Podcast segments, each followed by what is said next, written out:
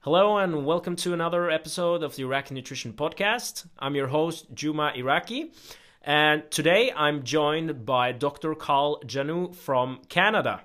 Carl, how are you doing today? Hey, Juma, I'm good. Thanks for having me on. I'm a huge fan of your podcast, so it's an honor to be on. Thank you so much for the kind words, and it's uh, my pleasure to have you on the show. So, we're going to talk about uh, periodization specific, specifically for muscle hypertrophy today. Uh, before we start, I just want to mention that you can choose to watch this podcast on YouTube, but you can also find it now on SoundCloud, Stitcher, and also iTunes as well. So, uh, Carl, before we dive into the questions, could you give us an introduction about yourself so people get a chance to know you better? Yes, I'd love to do that. So I got started, like many people, I think, doing sports when I was younger. At age six, I saw the movie Robin Hood, the one with Kevin Costner, and uh, I thought Robin Hood was pretty cool, you know. So I, I, and he was doing archery, so I wanted to be like him. I started doing archery when I was six, I did that between ages 6 and 17, eventually becoming uh, number seventh in Canada um, for juniors. And at age 16, my coach introduced me to weight training. So the idea was that I could train, get stronger, and pull a heavier bow. Um, I stopped shooting, I stopped archery, but I kept lifting because uh, as a kid I was pretty skinny um, insecure and a little self conscious about my body. And I would notice that the tall, athletic, and muscular guys would get all the attention and the respect, and that. Um, they, you know, it was like a visceral feeling when people saw them. So I wanted to be a little more like these guys. So I kept lifting weights um, became very interested in the topic. I wanted to find the shortcuts or the better ways to do it since I wasn't really gifted genetically. So I ended up doing a bachelor in exercise sciences and later a, P- a PhD, a master's and PhD in public health with a specialization in exercise and health statistics. We call that epidemiology. And during the day, I would do epidemiology. And during the night or, you know, afternoons, I was still very interested in building muscle and keeping up with the research using all the statistics knowledge I gained um, studying epidemiology and helping me understand the better ways to build muscle. And at the same time, I worked as a personal trainer. I've been a trainer for the Canadian Forces as well. So I've trained one on one about 300 people. And I built from 2009 the biggest website in French on building muscle. So over the internet, I ended up coaching about 4,000 people. Uh, we have a Facebook page with uh, 115,000 fans. So it's it's been a big website, and I've been able to be in touch with and learn from a, lot of guys wanting to build muscle. So this really kept me focused on the field and keep kept me sharp on you know what are the best ways to do it. So I'm, I'm excited to talk about this uh, with you today. All right, excellent. Uh, thank you so much for uh, sharing that uh, story. Now, um, I don't know how uh, it is in Canada. Is it is it a big sport to be competing in like doing archery or archery? It, not at no, all. You no, know, no. the the number one country in the world for archery, or at least when I used to compete, was uh, Korea. Mm-hmm. Uh, I think the Japanese are pretty good as well. Um, for many sports, and I think a lot of people will, will be able to relate to that. Um, they're not well known, you know. Olympic athletes, um, especially in Canada, you know, they're very poor, mm-hmm. and uh, unless you're doing, you know, the hundred meter sprint, or I'm trying to think of. Uh, a few a few high profile like very few sports are well known and are high profile but the other ones like can you name the current world champion in archery like no one knows that guy you know like and he's probably training like every waking hours he has and he's been doing that for like 25 or 30 years and nobody knows him so no it's not a big sport yeah yeah, uh, I I figure that because you guys do great in ice hockey. Ice hockey. Uh, we, on the other hand, don't do as well in ice hockey, and we don't uh-huh. do as well in soccer, even though they're yeah. big sports here in Norway. But uh-huh. like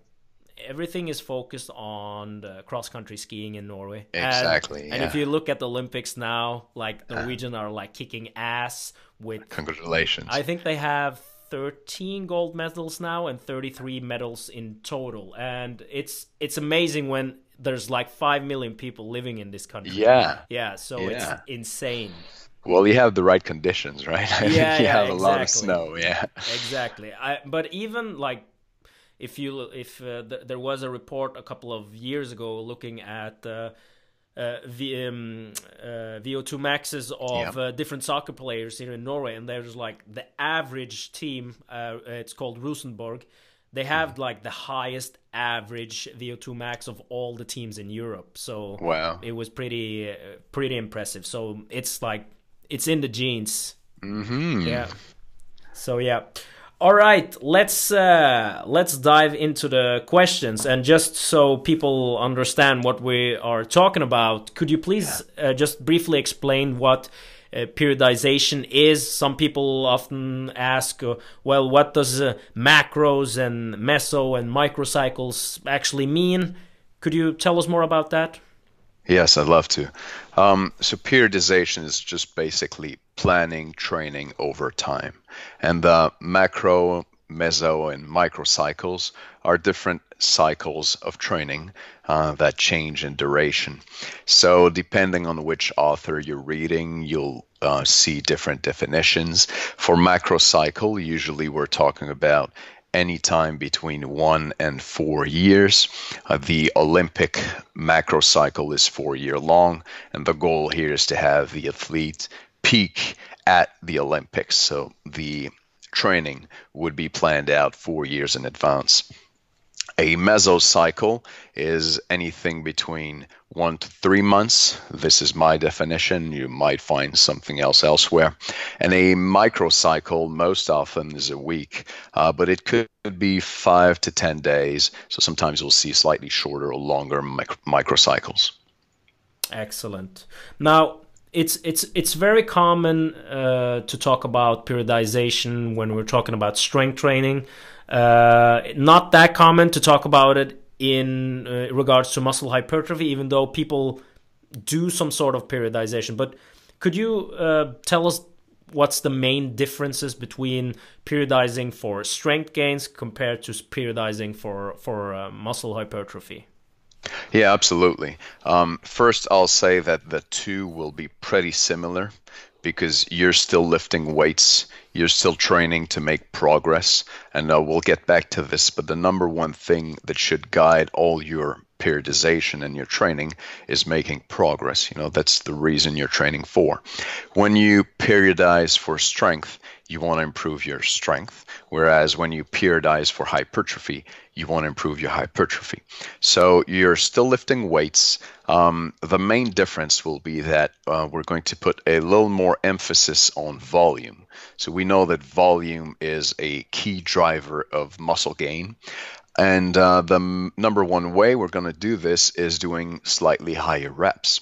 So for strength, uh, usually people will train between one and five or maybe six reps. Whereas for hypertrophy, people will train usually between six to 12 reps. So doing sets with more reps um, helps you build up volume in a more efficient way. And since volume is a driver of, of hypertrophy, this is going to be your uh, number one difference when you periodize for hypertrophy versus when you periodize for strength. Excellent. Now, uh, very good that you mentioned this with with volume and that we see in the uh, literature that the main driver of um, muscle hypertrophy is volume. And there's uh, you probably read it the study by Brad Schoenfeld where he compared uh, lower reps and higher reps, but yeah. the, the volume was equated.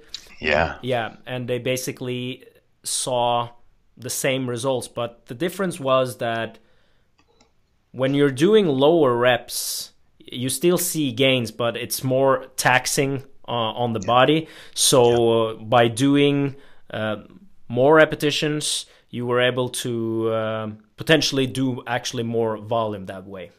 Yes, in the same time frame, and mm-hmm. that that was another big takeaway from that study. Mm-hmm. Is um, they gained the same amount of muscle, if I remember well, mm-hmm. um, but the hypertrophy style workouts was finished in about 18 minutes, whereas the strength style workouts took about an hour. So they got the same gains, but the workouts were three times shorter. So yeah, it makes a lot of sense to do more reps. It's more efficient. Now, when, when when we're on this topic, let's just um, add in like let's talk about training frequency because I know that's a very uh, popular thing to to talk about. Like, there's um, are you familiar with the Norwegian Frequency Project? I've heard a lot about it. Yeah, heard a lot about it but never seen it because it's no, never been no, published. It seems no one has seen it. I think I think it was published very recently, but uh, I'm not sure about that. But I, I have seen, uh, I've heard about it a lot. Yeah. Uh, I think uh, I think uh, Brad Schoenfeld had a paper now that um, like replicated the design of the Norwegian Frequency Project. If I'm not. Okay. Uh, if I'm remember correctly, and basically yeah. they didn't see the same results hmm. as as they saw on the Norwegian Frequency Project. But hmm. like if we were to like talk specifically about muscle growth, what seems yeah. to be the optimal training frequency? Okay, well, uh, talking about Schoenfeld, he's published a meta analysis in 2016 looking at this that uh, a lot of people will be familiar with, I'm sure. So they found that two to three workouts a week um, were better than, than one workout a week. So that's the best answer we got at this point from the science. Now, as a coach, you also want to make your decisions based on the field. Uh, so it's not just about the science, but it's also about your own experience and what works best for your clients. And uh, a little bit later, we can talk about a model I've prepared for this podcast. Um, and uh, in my opinion, when you're training a beginner, it makes more sense to train three times a week each muscle group. Um, and uh, I've found that this works well to build muscle. And based on what we know from science, it sure will work better than training uh, each muscle just once a week. Excellent. Now, one of the things that was interesting from the Schoenfeld uh, meta analysis was that they actually, like, a typical thing that you see with people nowadays is that they say, oh you're an idiot because you're training your muscles only once a week but still yeah. you can see some uh, results from training uh, each muscle group once a week but it's probably a good idea to have a higher frequency so like you mentioned two to three times um, two to three times uh, a week uh, one thing that i think people like i think people emphasize uh, too much on it because mm-hmm. it just makes sense that as you progress and you need more volume in your training, it's more important to actually split it up more during the week because you're not going to be able to handle uh, that uh, amount of volume in each uh, in each session. Yeah, yeah, and uh, I I would like to make another comment, which is um, you know this the science and the studies are generally carried out on relatively untrained people or beginners, maybe intermediates um, the guys you see advocate once once a week training are um, elite bodybuilders. Uh, these guys um, will train with higher volumes in the same session. They lift heavier weights, so maybe for them it's actually the best way to go. Uh, we cannot tell from the science. Another point on these bodybuilders is they're older. And um, as people get older, I've found that um, they cannot train as frequently as um, 18 years old um, college um, subjects, you know, in the studies. So maybe they have a point, and I don't think we should dismiss them uh, and just say, you know, uh, here's this meta-analysis. Uh, you're training once a week. You're dumb. You know, that's not the way it works. Mm-hmm. Yeah, I, I, I totally agree, and that's why it, it sometimes pisses me off when like people re- uh, read uh, research and then they'll say, well, bodybuilders are stupid, and they'll just say that, oh, bodybuilders just get the result because they use enough gear. But Yeah. ev- like if you actually know how things work, you know that's not the not the case. Like you could take a a ton of gear and still not make any progress.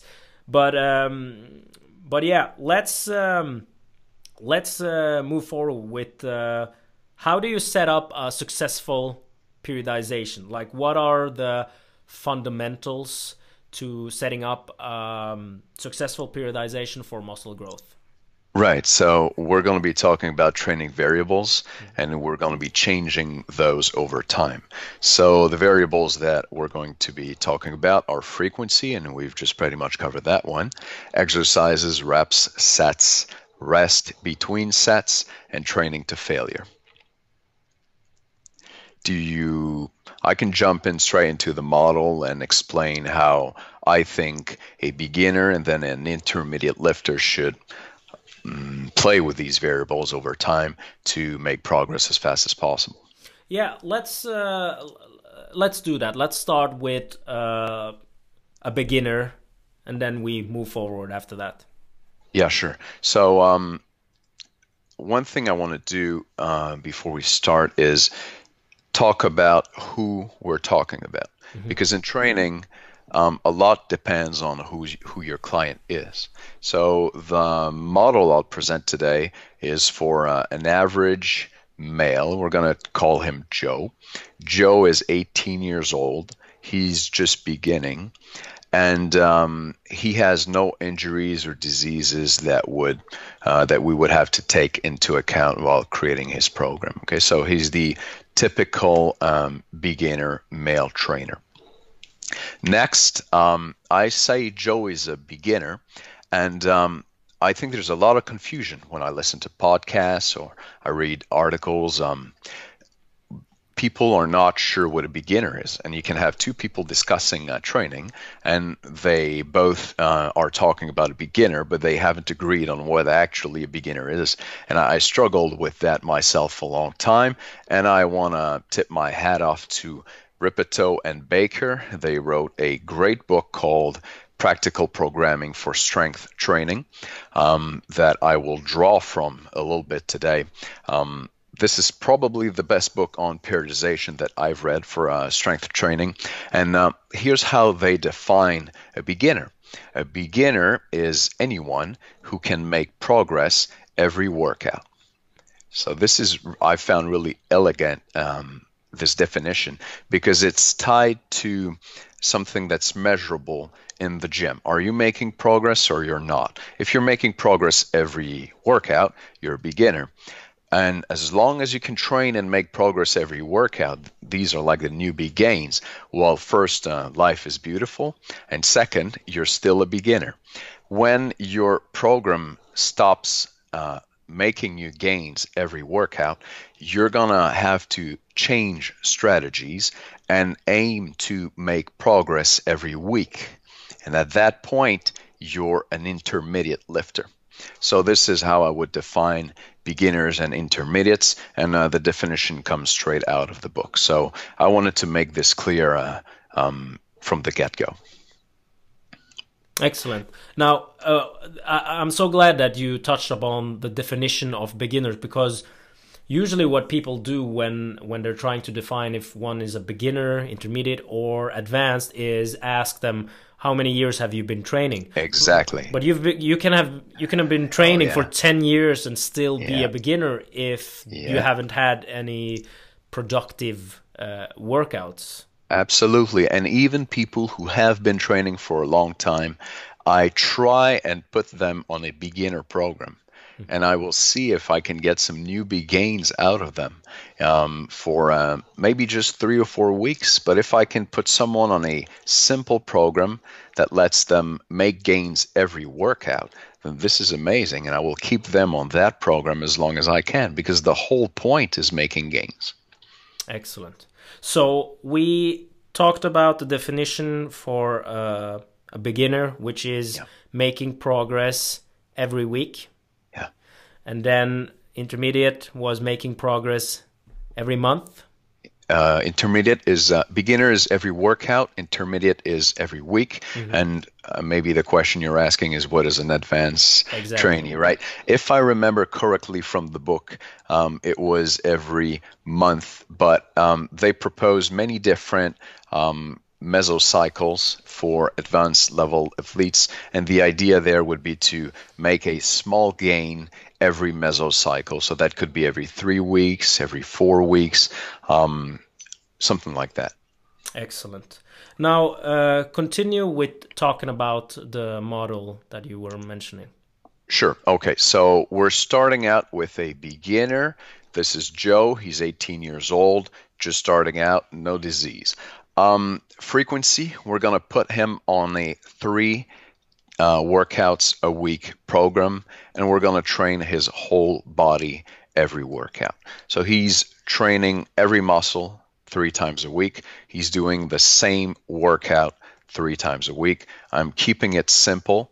Actually, um, a tentative title for this uh, presentation would have been, you know, simple periodization for muscle hypertrophy because I think a lot of trainers overcomplicate um, training. And it, when you're starting out, it doesn't need to be complicated. Uh, just focus on making progress, and the template I'm going to give you now should let you do that. So, Joe is just starting out training three times a week. The exercises are going to be pretty basic as well. So I will give the set of seven exercises I generally recommend to beginners. If you don't like these exercises, you can do exercises you like. You don't have to do these. I've just found that these work well. So the exercises in order for that workout will be squat, bench press and bent over row. So with the bench press and the bent over row, we're covering horizontal pushing and pulling.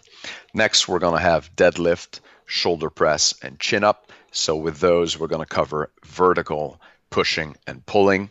And we're we finish with an exercise for abs and you can pick uh, your favorite for that one.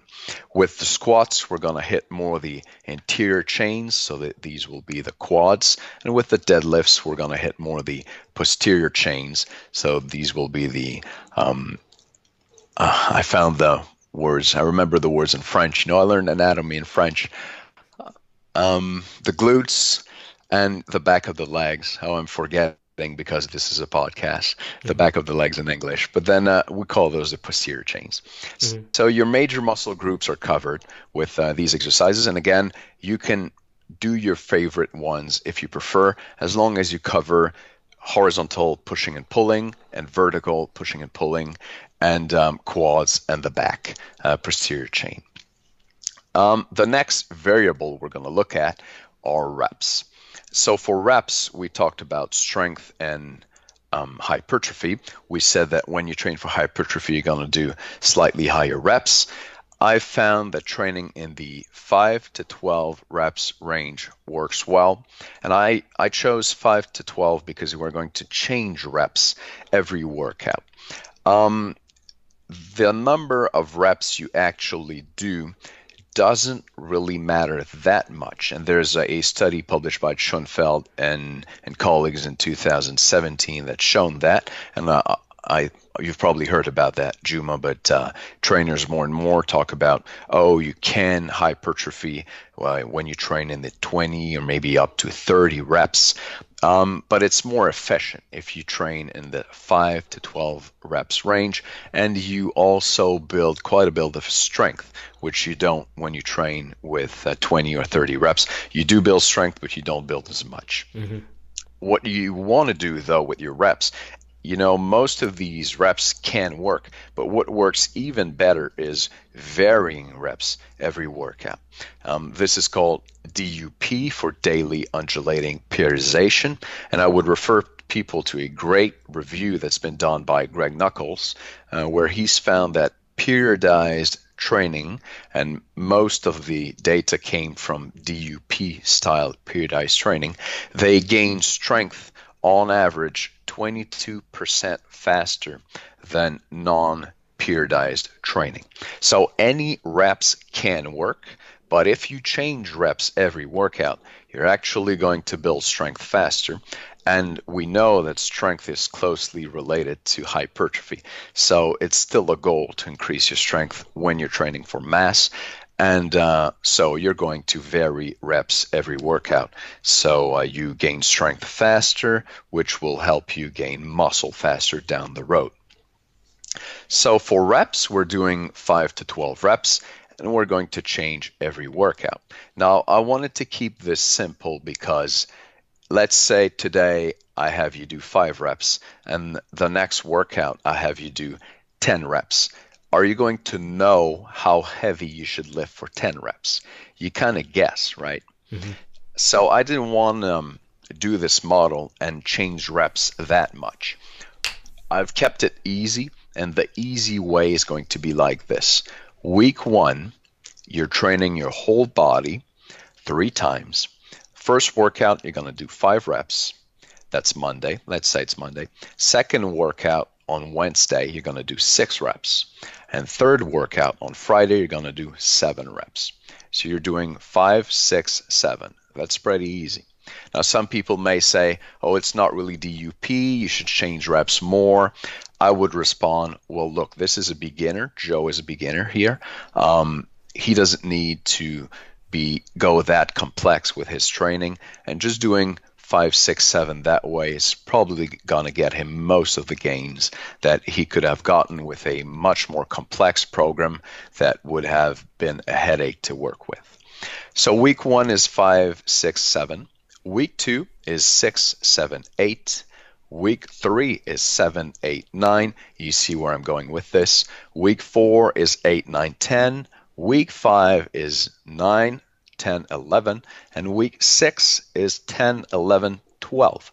So we've covered the whole range in six weeks, going from 5 to 12. Every week we do plus 1, plus 1, plus 1, and then minus 1, plus 1, plus 1, plus 1, just like that for six weeks. And you're going to do this six week mesocycle, take a week off, and rinse and repeat until you stop making gains every workout. You want to increase your weight every workout if you can, or at least you want to use the same weight and do your extra rep. So let's say Monday you do five reps with 100 pounds. Well, on Wednesday, you're going to try and do six reps with the same weight. And on Friday, you're going to try and do seven reps with the same weight. When you're a beginner, you should actually make progress even faster than that. Okay, so this covers the reps. Um, any questions so far? Um, yeah, let's let's uh, just mention a bit like a typical thing that people uh, do when uh, when they're making a new program is like switching exercises too frequently. Yeah. Now, why isn't that a good idea to do? Right. Well, you know, I was um, I was wondering if we would talk about this. This is a big question I've um, pondering about and over like for a long time. And recently, I, I kind of revisited the question and I went uh, on Facebook and I've discussed it with people I really look up to in this field. So I had discussions with Lyle McDonald, Eric Helms, Greg Nuckols, and Mike Israetel. Now, this is interesting because Mike Israetel is of the opinion that you should change your exercises every mesocycle. So he says that when you, let's say, you come back from your week off, you should do new exercises. Maybe not change everything, but make some changes. Whereas, on the other hand, um, Lyle McDonald, Eric Helms, and Greg Nuckols said that you don't need to change your exercises to progress and that there is no extra benefits from changing exercises to build muscle faster. Okay, so this is the only question we're talking about. Maybe there would be other benefits to changing exercises more often, say for um, variety, you know, people keeps training fun. Um, or for injuries, of course, you'll have to change exercises. But just for building muscle, these guys said you don't have to. And I tend to agree with them with that opinion. I look to Olympic weightlifters and power lifters these guys are some of the biggest and baddest athletes, and they do more or less. Bless you. They do more or less the same exercises for their whole career, you know? So if they had to change exercises to build muscle faster, they would probably do it. They would be doing it. Um, so, like you said, beginners change often change exercises because they're told that they should and um, they overcomplicate things. Mm-hmm. And uh, it actually slows them down because they're not building strength fast enough. When you're just starting out, um, you, most of your gains in strength will be from neuromuscular adaptations. Um, so it's actually controlling your muscles and helping them contract at the same time in the right order so you can really actually make them work. And at the beginning, you're really weak because you, you have poor control over your muscle. As you gain some strength, then you really start stressing your muscle enough so that they're working hard. And then you're building muscle tissue, muscle mass. So don't change your exercises too often when you're uh, beginning. And um, actually you may not even need to change them throughout your career. So this is why I gave my basic uh, set of exercises at the beginning. Mm-hmm. And if you like doing those, you could be doing those for a long time before needing any change at all. Excellent. Now, uh, I would I would agree with you uh, yeah. on uh, not changing it too often because I think a lot of people they they hear that oh you need to change a training program to confuse your muscles right. because they adapt to it and, and i'm like well if you vary your sets your reps your yeah. rest like there's a million things you can do to make variations uh, in your program uh, another thing when it comes to exercises is like if you're a power lifter you have to do like bench press squats and deadlifts yeah but is that the case when it comes to muscle hypertrophy no, you don't have to do them. So that's why I said uh, you can use your favorite exercises. If you don't want to do squats, you like leg presses, you want to work your legs, do leg presses. Mm-hmm. Um, I was at a the International Congress on Physical Activity and Public Health in Sydney. I think it was in 2015, and um, we had this big researcher, you know, like keynote speaker. People asking him. Um, he was presenting on high intensity interval training versus continuous, like long, slow, steady state cardio. And he said, People ask me, should I do high intensity training or should I do um, low intensity training? And I always say, Yes, do them. you know, so that would be my answer as well. If you like leg presses, and you're going to do them and maybe because you like them you're going to push a little harder then you don't need to do squats you know do the leg presses. You don't need to do squats to build muscle and you don't need to do deadlifts. I've recommended these exercises because they work a lot of muscles at the same time, but you don't need to do them. It's basically more bang for your buck.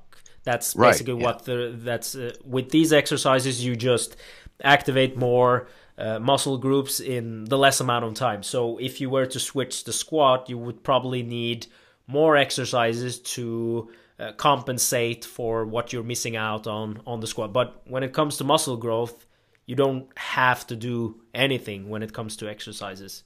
No, you don't have to do specific exercises. Mm-hmm. Most exercises, I think, will grow muscle. Like you said, some of them will work out more muscles at the same time, so you get more bang for your buck, mm-hmm. but you don't need to do those if you don't like them. I have another point on uh, changing exercises and that point is, you know, you said people are told they need to change exercises often to confuse their muscles. And um, this is kind of losing the point, which is to make progress.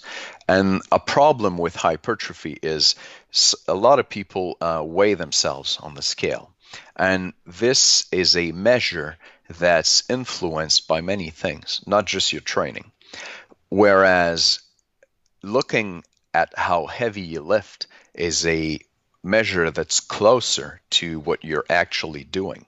And I like having at least one exercise that I keep over time and that I test over and over over time that I can see progress with. Uh, it could be the bench press, it could be chin ups. Um, it has to be an exercise that you can measure at least every six weeks and see if your last mesocycle has helped you make any gains on it. Now, if you're tr- changing exercises all the time, you're not even measuring your progress strength wise in the gym. So, how do you know you're making any progress? So, that's another argument against changing exercises all the time. Yeah, that's a very good point, what you mentioned there.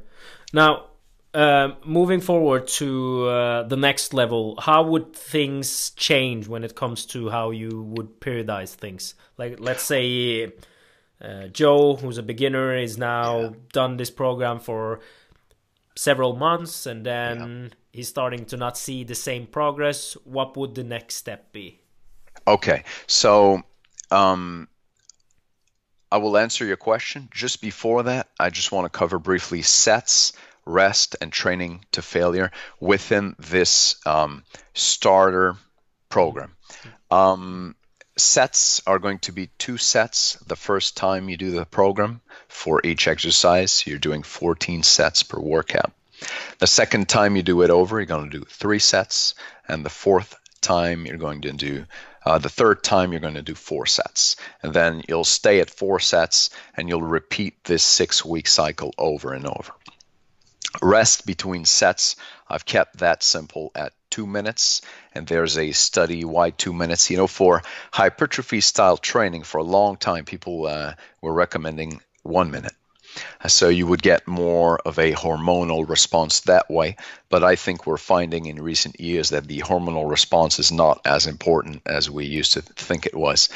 So, um, a study, uh, this one published in 2005, which is still a long time ago, Ahtiainen and all, and I'll, I'll send you all the links, Juma. So, if people want to look these up, they can uh, look at your show notes.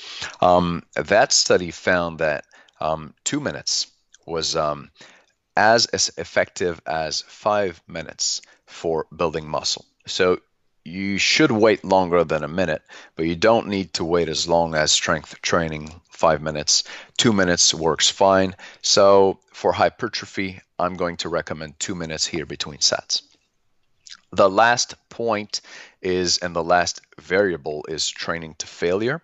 I will borrow an idea from Dr. Mike Zourdos here. Uh, look up to this guy as well. Uh, I like what he does. And um, Mike recommends that people train to failure if they want to do it only on Friday. Because if you train Monday, Wednesday, Friday, you have two days to recover between Friday and the next Monday. So this gives you more time so you can go harder with your training on Friday. Whereas on the other days, uh, you only have one day to recover. So on those days, you're going to keep two reps in the tank when you're lifting. So that means that um, if you could do 12 reps with a gun to your head with a given weight, you're going to do only 10 reps on Monday and Wednesday. On Friday, you're going to go all out and train to failure.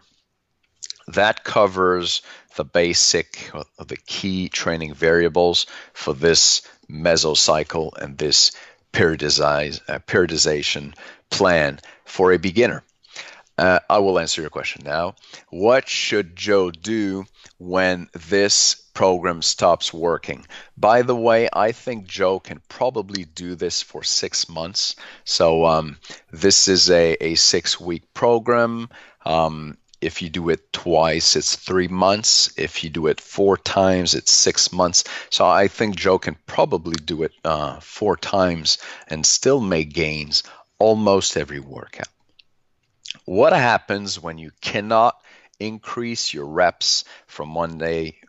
Eh, so just you so so that you remember Monday is five at the beginning, five reps, six reps on Wednesday, seven reps on Friday. Let's say you start the cycle over, and then Monday you do five, Wednesday you do five, and Friday you do six. Okay, you can increase your reps once in the cycle. You're going to keep doing it until you get no gains for two workouts in a row. So that's going to be Monday, five reps, Wednesday, five reps, Friday, five reps. You're stuck. Um, when that happens, you're going to deload. And I'm taking this idea from practical programming for strength training, the book I mentioned. Um, just deload. So deloading lets you um, get more juice out of the same workout plan. Because think about it, you've been doing this cycle over and over for about six months and you've made great gains with it. This is the program that lets you make gains the fastest because you're making gains every time you work out. That's wonderful. So, as long as you can stay in that realm, stay there. You don't want to change it too much because, hey, it's working great. And the best workout plan for you, I say that often, is the workout plan that has worked the best for you before. When I get a new client, uh, what, one thing I'll ask is, what's worked best for you? And a lot of times I will repeat what has worked best for the client, maybe with some changes. So you've been doing this program for six months, you've made gains every workout. Now you're stuck at five reps Monday, Wednesday, Friday. You're going to deload. Deloading is you're going to cut weights 10%. So let's say that for five reps you were doing 100 pounds, you're going to lower that to 90 pounds and you're going to start the cycle over.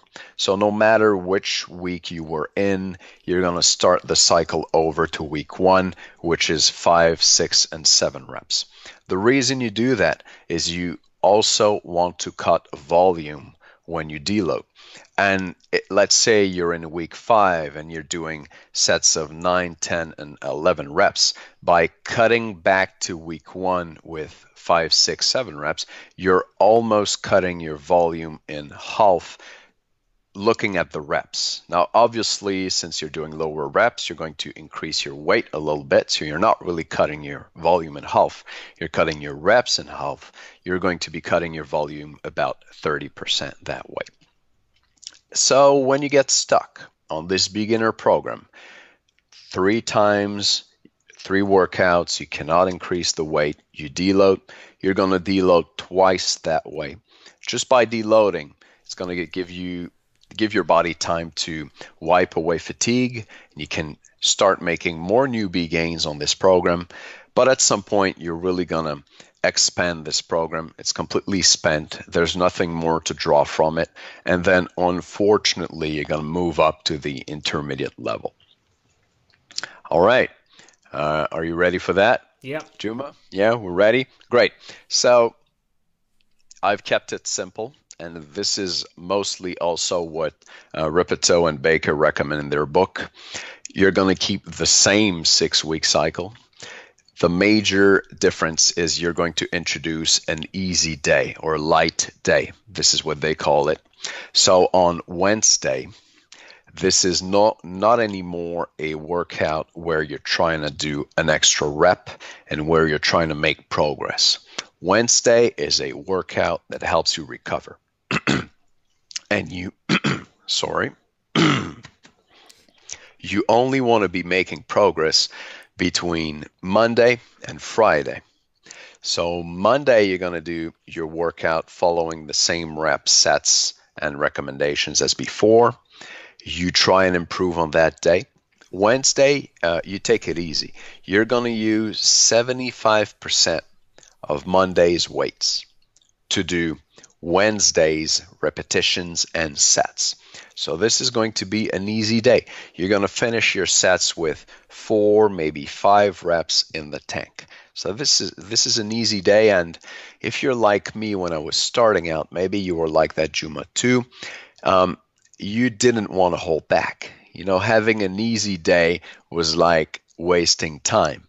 But trust me, you do want to have this easy day because this day lets you recover and prepare for Friday.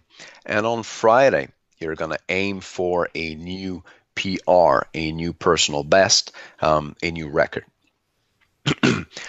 you're also going to use this same program for the next six weeks and repeat those until they stop working. When they don't, and you make no gains for two weeks in a row, you're going to deload. So the difference here is on the beginner program, it was two workouts in the row. On the intermediate program, you only really know if you've made progress on Friday. So Friday is your most important day of your week, and um, you want to make sure you make progress on that day. If you miss your Friday, then you know you're going to train another week before you know if you've made any progress at all. If you miss that next Friday, then you've probably built up fatigue and you need to deload. You're going to deload the same way. You're going to reduce weights 10% and start back at the beginning of the cycle. You can probably ride this intermediate level cycle for another six months before you need to move into more advanced level training. And again, as long as you can ride it, do it because you're still making gains every week. And uh, a lot of lifters will be jealous. You know, I wish I made gains every week. And uh, so if you can make them, make them. Keep your program simple. It's worked well up to that point. Keep doing it. Milk it for all it's worth. And when it stops producing results, progress, as measured by making gains on the Friday, um, then you need to move to advanced level. Okay, excellent. Now, uh, is it uh, like do you use the same rules here when it comes to f- uh, failure training that you'll only do failure on Fridays? Yes, I would. Yes. Okay. Now let's move forward to how would you progress to the advanced level? What would change then? Right. Well, for the advanced level, um, uh, I kind of took the easy path here because, um, like I said in the book, there are many different um, examples of advanced level training. And the thing here is that it's different. It's different for many lifters. And as a lifter, when you get to that point, you'll probably have to experiment to find out which one works best for you. Um, if you want to experiment, you're going to spend time finding out what works best. You can get the book by um, Rippetoe and Baker. You'll find many examples in there. You can also hire a good trainer and if you haven't hired a trainer up to that point, that would be a good point to hire one because um, this is where all the experience and the knowledge of that trainer will um, help you save a lot of time experimenting with um, trying different programs that are more advanced. I'll still give you a pointer, which is never forget that your goal here is to make progress. So whatever workout plan you follow when you get more advanced, you know that you cannot you can't make progress every week anymore, but you want to see progress maybe at least once every two weeks or once every three weeks. And don't uh, start making the mistake of changing too many ting- things and um, losing track of your progress.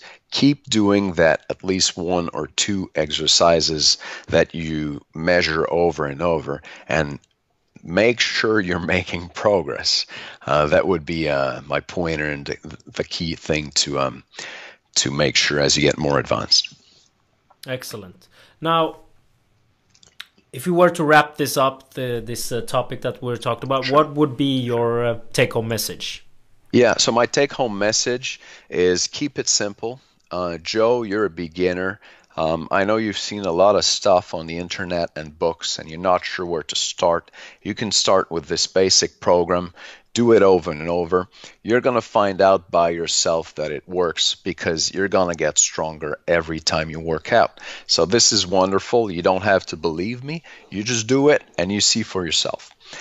Um, focus on the basics, which is making progress every time you work out. You want to get stronger, that is, lift more weights for the same amount of reps, or do more reps with the same weight. And as long as you're doing that, you're making progress and you're in great shape. Excellent. Thank you so much, Carl, for taking the time to do uh, this podcast. Now, I know you have actually um, designed an app which you can track your progress and you could also uh, it actually helps you with adjusting uh, a lot of things as you get strong. Could you tell us more about that Yeah, absolutely. So we've been talking about strategies to build muscle faster. Mm-hmm. And this is what you want. Well, I think you'll like that app. Um, in the past two years, since getting my PhD with a small team, I've been building this app that helps you build muscle faster using AI and it applies all the strategies we've been talking about today automatically and many more as well.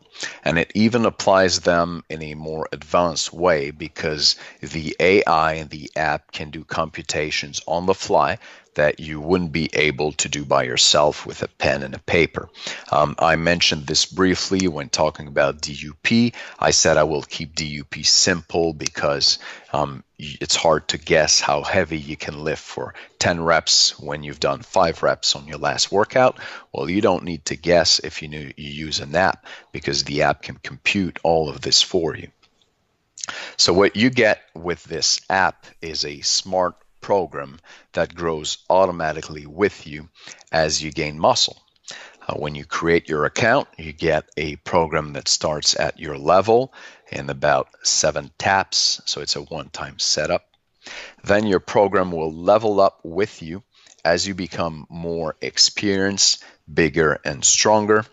And it also updates automatically every time you do it um, with the optimal reps and set for you so you always build muscle as fast as possible.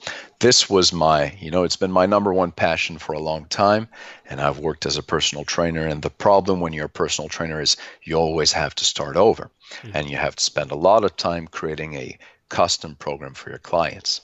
So you have to charge them a lot of money but not everyone can afford a personal trainer. And one thing I want to do with this is make it a lot cheaper to get the same kind of customization for your programs that you would get with a real human trainer, but instead you're getting a virtual artificial intelligence trainer. So this thing is like a trainer in your pocket that's 10 times cheaper than a human trainer. It's available 24 7 and it's always up to date. I keep it up to date with the science. Um, I love reading about building muscle, and I make sure that when you lift with this app, you're always lifting uh, with the best methods to build muscle fast. So, Juma, uh, what I'd like to do is offer everyone listening um, their first month free if they want to check it out. Um, so, if you'd like to learn more and start building muscle faster using AI and get your first month free because you're listening to this podcast, uh, just go to drmuscleapp.com forward slash Juma. So that's a special page I've set up for your listeners, Juma. Um, the URL is drmuscleapp.com forward slash Juma. So thanks a lot, man. That was Thank a great you. interview. Thank and uh, again, uh, it's an honor to be on your podcast. You've had some amazing guests, and uh, uh I really like what you're doing. Thank you so much, and thank you for um, taking the time. I'll link the. The, uh, I'll put the link in the description, um, and people can uh, check out the the app if they want. If they want, I would be honored, and they can email us, get in touch with us. Um, I'm sure you have many smart listeners, and I look forward to interacting and, and serving this community of people. It's really a, a pleasure and a, dream come true for me. Perfect. Now, uh, is this app available on Android and uh, iPhones? Yes, both phones. Okay, and what's the cost of the app? Okay, well, I, I, could tell you the cost, but here's the problem: we're raising prices mm-hmm. as we roll out new features. Mm-hmm. So I'm afraid that if I mention the cost on your podcast today, people who listened to it maybe a year ago, uh, a year later, mm-hmm. are going to be pissed off they didn't get the cheaper cost, right? Mm-hmm. So I would invite people to uh, go to our website and find out uh, the cost right now at any rate, they can still get their first month free uh, via the link uh, I created for you. Perfect. Thank you so much for doing this podcast, and thank you much. Uh, thank you so much for also offering your generous offer to uh, to my uh, listeners. Uh, pleasure to have you on, Carl. I don't know what time it is in in Canada now, but it's almost bedtime for me here in, in Norway. So once again, thank you so much, and we'll uh, we'll speak soon again. It's been a real pleasure. Thank you so much. All right, Carl. Bye bye.